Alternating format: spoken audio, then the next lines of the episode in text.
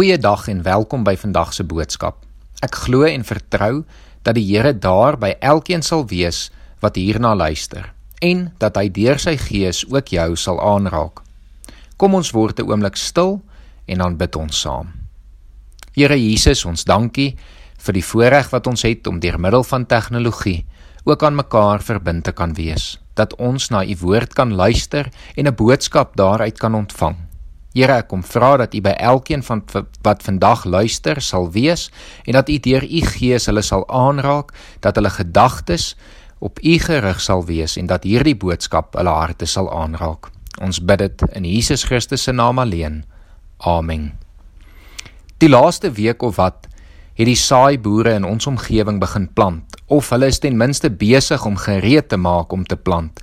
Die reën moet nou net kom. Die geloof van 'n boer is daarom iets spesonders om 'n klomp pitte te vat en dit in die grond te sit met die hoop dat dit sal ontkiem, sal groei, sal vrug dra en 'n opbrengs sal lewer. En so, terwyl die boere begin plant, het ek gedink dit is nou 'n goeie tyd om weer na die gelykenis van die saaier te kyk.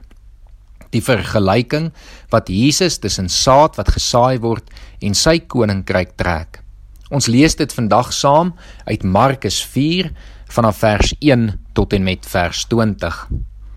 Jesus het weer die mense langs die see begin leer. 'n Baie groot menigte het by hom saamgedrom sodat hy op die see in 'n skei gaan sit het. Die hele menigte was langs die see op die strand. Hy het hulle baie deur gelykenisse geleer. So het hy onder andere gesê terwyl hy hulle leer: Luister hier. 'n Saaier het eendag gaan saai. Met die saai het 'n deel van die saad op die pad geval en die voëls het gekom en dit opgepik. 'n Ander deel daarvan het op 'n klipbank geval waar daar nie baie grond was nie. Dit het gou opgekom omdat die grond nie diep was nie, maar toe die son warm word, is dit verskroei en omdat dit nie wortel geskiet het nie, het dit verdroog. 'n Ander deel het tussen die onkruid geval. Die onkruid het opgekom en dit laat verstik en dit het nie saad geskiet nie. Die ander saad het in goeie grond geval en dit het opgekom, gegroei en 'n oes gelewer. Party het 30voudig gedra, ander 60 en nog ander 100voudig. Verder het hy gesê: Wie ore het en kan hoor, moet luister. Toe hulle alleen was, het die mense wat saam met die 12 by hom was, hom oor die gelykenisse uitgevra en hy het vir hulle gesê: Aan julle is die insig in die geheim van die koninkryk van God gegee. Maar vir die wat daar buite is, bly alles net by gelykenisse, sodat hulle kyk en kyk en tog nie sien nie en hoor en hoor en tog nie verstaan nie, dat hulle hulle nie miskien bekeer en vergewe word nie. Hy sê toe vir hulle: "Julle begryp nie eens hierdie gelykenis nie. Hoe sal julle dan al die ander gelykenisse kan verstaan?" Die saaier saai die woord. Daar is mense by wie daar soos op 'n pad gesaai word. Sodra hulle die woord hoor, kom die Satan en vat die woord weg wat in hulle gesaai is. Daar is mense by wie daar soos op klipbanke gesaai word. Sodra hulle die woord hoor, neem hulle dit met blydskap aan. Hulle laat dit egter nie in hulle wortels skiet nie en hou nie lank uit nie. As hulle daarna ter wille van die woord verdruk of vervolg word, word hulle gou afvallig. Daar is mense by wie daar soos tussen die onkruid gesaai word. Dit is hulle wat die woord hoor, maar die sorges van die lewe en die verleiding van rykdom en die begeertes na allerlei ander dinge kom op en verstrik die woord en dit bly sonder vrug. Dan is daar die mense by wie daar soos op goeie grond gesaai is, wat die woord hoor en aanvaar en vrug voortbring. Party 30, party 60 en party honderdvoudig. Ons lees tot en met sover. Hoe lyk die grond van jou hart tans? Is die grond in jou lewe so dat die evangelie geplant kan word, kan ontkiem, wortel kan skiet, kan groei en kan vrug dra? Jesus se gelykenisse het altyd daaglikse voorbeelde wat mense goed verstaan en geken het gebruik. Dit het hulle gehelp om iets van die koninkryk van God te verstaan En so help dit ons ook vandag om iets van God se koninkryk en ons rol daarin te verstaan. In hierdie gelykenis gebruik Jesus die voorbeeld van 'n saaier. Iemand wat die evangelie, die goeie nuus oor die koninkryk van God aan mense deel. Die tipes grond is die verskillende reaksies wat mense op die evangelie gehad het. En in Jesus se tyd was daar nog nie groot trekkers of goeie tegnologiese presiese planters nie. 'n Saaier het sommer 'n sak vol saad gevat en letterlik gestrooi op die land. Ongelukkig het die saad op verskillende plekke geval. Van die saad het op die pad geval wat hard uitgeloop was en voels maklik die saad kon kom oppik. Ander het tussen klippe geval waar daar genoeg grond was sodat die saad kon ontkiem, maar nie diepte sodat dit kon groei nie. Ander het weer geval waar die land nie mooi bewerk was nie en daar nog onkruid gegroei het. Hierdie saad kon ontkiem, maar is deur die onkruid verstik. Ander het in goeie grond geval en kon ontkiem. Dit kon groei en dit kon vrug dra. Ons kan onsself verbeel dat Jesus hierdie gelykenis vertel nadat hy en die disippels 'n dag of wat tevore gesien het hoe iemand saai. Die storie was dus vir hulle nog relevant en vars in hulle geheue. Maar ongelukkig verstaan hulle nie die vergelyking wat Jesus wil trek nie. Jesus moet dit vir hulle later wanneer hulle alleen is verduidelik. Die verduideliking is eenvoudig. Die koninkryk van God werk soos iemand wat saad saai. Die saad is die evangelie, die goeie nuus oor Jesus Christus en sy koninkryk. Hierdie saad word aan alle mense verkondig, maar nie almal luister nie. Daar is verskillende reaksies op die woord van God. Die eerste reaksie is een waar mense dit nie wil aanvaar nie. Dit wil nie glo nie. En daarom kom die Satan en vat vinnig die saad wat gesaai is weg. Hulle is so saad wat in 'n pad val. Die pad is so hard dat dit nie ont kan ontkiem nie en in elk geval kom die voëls en pik dit op. Ek dink almal het al tot 'n mate iets hiervan beleef. Jy luister na 'n preek, maar teen Sondag aand kan jy nie meer onthou waaroor dit gegaan het nie. Die woord wat aan jou verkondig is, is by jou weggeneem. En dit is nie noodwendig so groot probleem as dit een of twee keer gebeur nie. Maar as dit so word dat die toestand van jou lewe is, is daar 'n probleem. As jy nie dit wat jy in jou stilte tyd lees kan onthou nie, nie wat ander mense vir jou vertel nie, dit wat jy deur preke hoor of 'n ander plek dalk nie, dan is daar fout met die grond in jou lewe. Dan kan die evangelie nie in jou lewe ontkiem nie en jy kan nie die woord inneem nie. En dan is dit dalk tyd om te kyk dat iets moet verander. Dit is dan dalk tyd dat die grond in jou lewe omgeploeg moet word sodat die woord in jou lewe geplant kan word.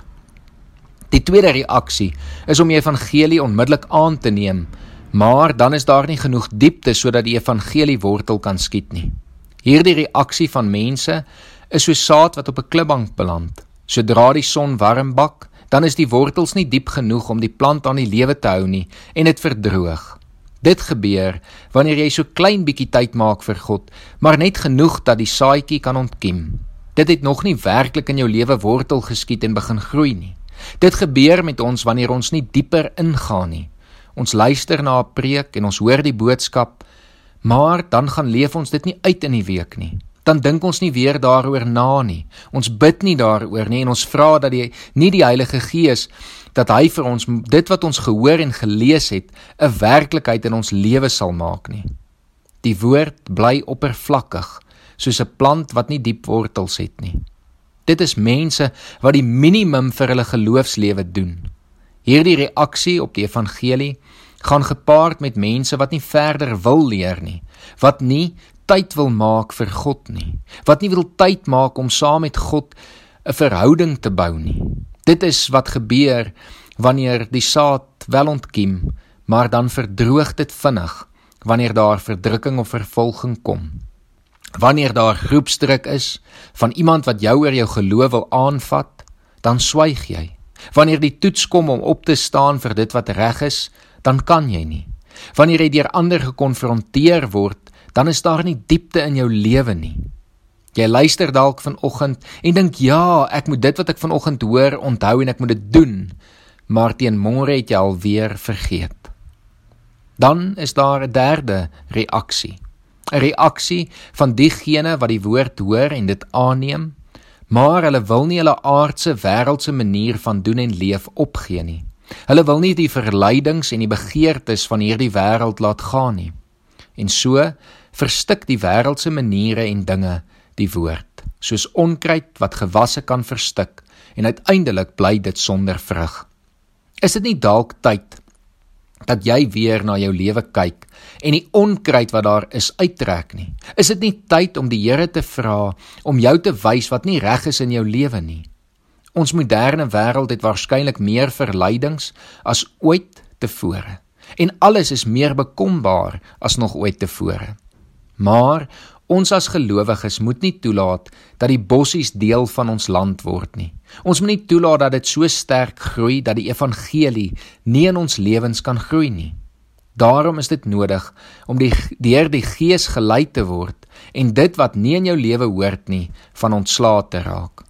Dit is nie vanoggend vir my nodig om voorbeelde te noem nie, Want as jy opreg bid dat die Here vir jou wys wat nie reg is in jou lewe nie, sal jy weet wat dit is wat moet verander en dan sal jy dit ook laat verander. Moet nie huiwer nie. Moet nie dink jy kan dalk die bossies in die evangelie saam in jou lewe in een land laat groei nie. Dit kan nie. Trek die bossies uit sodat die evangelie kan floreer. Ek kan jou waarborg dat as jy dit gaan los, gaan die woord uiteindelik verstik. Die koninkryk, die evangelie kan nie floreer as daar onkruid is wat jou tyd, jou geld en jou energie vat nie. Dan gaan die bossies eerder vrug dra as die evangelie. Gelukkig kry ons laastens mense soos goeie grond. Die wat die woord hoor, wat dit aanneem, dit laat ontkiem, dit oppas, die woord verder bestudeer en leer. Dit is hulle wat groei in geloof tot by mense wat self dan vrug dra en saad skiet. Die evangelie neem die hele land van hulle lewe oor. Die evangelie is gewortel in hulle lewensgrond en hulle hele lewe is vol van die goeie plant en vrug van die evangelie. Dit vermeerder in hulle lewe en dit word versprei na ander mense. Hoe lyk die grond van jou hart? Het die evangelie al wortel geskiet in jou lewe? Is dit besig om te groei of nie? Die vergelyking wat Jesus in hierdie gelykenis trek, is vandag nog net so van toepassing op ons lewens as wat dit was die eerste keer wat Jesus hierdie gelykenis vertel het. Daar sal altyd die verskillende reaksies op die goeie nuus van Jesus wees. En daarom is dit belangrik dat jy vandag in die eerste plek na jou eie lewe sal kyk en sal vra: Hoe lyk die grond in my lewe?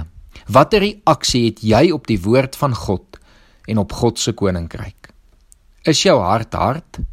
Of dalk is jou lewe soos 'n klipbank? Of dalk is die verleiding van hierdie lewe nog net te veel vir jou? Dalk is jy nog nie bereid om die onkruid uit jou lewe uit te trek nie. Maar ek hoop dat die wat luister vandag se lewe wel sal wees soos goeie grond wat gereed is om in geplant te word wat vogtig voedsaam en lewend is sodat die koninkryk van God in jou kan groei en jy uiteindelik saad kan begin skiet. Ek wil vanoggend dit waag om iets radikaal te sê. As jy regtig wil weet hoe die grond van jou lewe lyk is die toets eintlik baie eenvoudig. Dra jy vrug of nie? Is jy besig om die saad verder te versprei of nie? Indien nie, dan hoop ek jy is op pad daarheen. Dan hoop ek die plant in jou lewe moet maar net nog volwasse raak. Maar ek is bang dat as jy nie besig is om die saad te versprei nie, as jy nie besig is om die evangelie te verkondig nie, dan is daar 'n groter kans dat jou lewensgrond soos die eerste 3 reaksies op die evangelie is eerder as soos goeie grond. Geliefdes, ek het die laaste paar weke 'n paar keer hierop klem gelê en vandag moet ek weer. Elke gelowige het die verantwoordelikheid om die evangelie te verkondig. As die evangelie werklik in jou lewe geplant is en dit begin groei en dit jou hele hart kom oorneem, dan kan jy mos nie anders as om die vrug daarvan te deel nie. Elkeen het die verantwoordelikheid om uiteindelik in hierdie gelykenis die saaier self te word, om die een te wees wat die evangelie versprei. Dit kan wees dat jy begin daar waar jy geplant is, in jou gesin, in jou werksomgewing of met jou naby vriende. maar eers moet jy begin. Elkeen van ons moet 'n saaier word wat die goeie nuus van die evangelie verder versprei. Die een put, die een saadjie wat in jou lewe ontkiem het, moet 'n plant word wat vermenigvuldig en nog saad skiet en versprei aan ander. Mag elkeen van ons uitgaan en die evangelie gaan verkondig. Mag die evangelie jou hele lewe oorneem. Mag dit in vrugbare grond in jou lewe geplant wees en mag jy dit oppas sodat dit verder kan groei en nog meer saad kan versprei. Kom ons bid saam. Here ons dankie vir hierdie ongelooflike bekende gelykenis en die implikasies wat dit het, het vir ons lewens. Here ons dank U dat ons kan weet dat ons vanoggend na ons eie lewens moet kyk en dat ons die grond in ons lewens moet assesseer. En Here vanoggend wil ek kom bid daar vir harte wat verhard het. Ek wil kom vra Here dat U dit sal omploeg deur U Gees, dat U die grond weer sal losmaak sodat die evangelie daar kan ontkiem. Here ek wil kom bid vir diegene wat nog deur verleidings van hierdie wêreld of druk van buite of vervolging of swaar kry vasgehou word sodat die evangelie nie eintlik kan posvat nie. Here, ek wil kom vra dat U deur U Gees ook hulle sal aanraak, Here. Here, ek wil kom vra dat U by hulle sal wees en Here dat U hulle sal help, Here sodat hulle dit wat in hulle lewens uitgetrek moet word uit te trek. Here dat U deur U Gees elkeen wat luister nou sal aanraak en hulle bewus sal maak van dit wat verkeerd is in hulle lewens. Here dat hulle sal weet wat hulle moet verander en waar hulle moet regmaak, Here. Here, ek wil kom bid vir goeie grond. Ek wil kom vra, Here, dat U Gees elkeen van ons se lewens die grond in ons lewens sal regmaak op so 'n manier dat die evangelie tot volwasse plante kan groei, Here dat dit saad sal skiet, Here, en dat ons die verantwoordelikheid sal opneem om die saad dan op te neem en te versprei, dat ons dit verder sal gaan saai in diegene rondom ons se lewens. Here, dankie dat ons dit met vrymoedigheid vandag van U kan kom bid en kan weet dat U ons altyd by sal staan en dat ons nie hierdie uit ons eie krag hoef te doen nie. Ons bid dit in Jesus Christus se naam alleen. Amen. Mag elkeen wat hierna geluister het, vandag ook weggestuur word met die seën van die Here. Mag die genade van God ons Vader en die liefde van sy seun Jesus Christus en die gemeenskap van die Heilige Gees by elkeen van julle wees. Amen.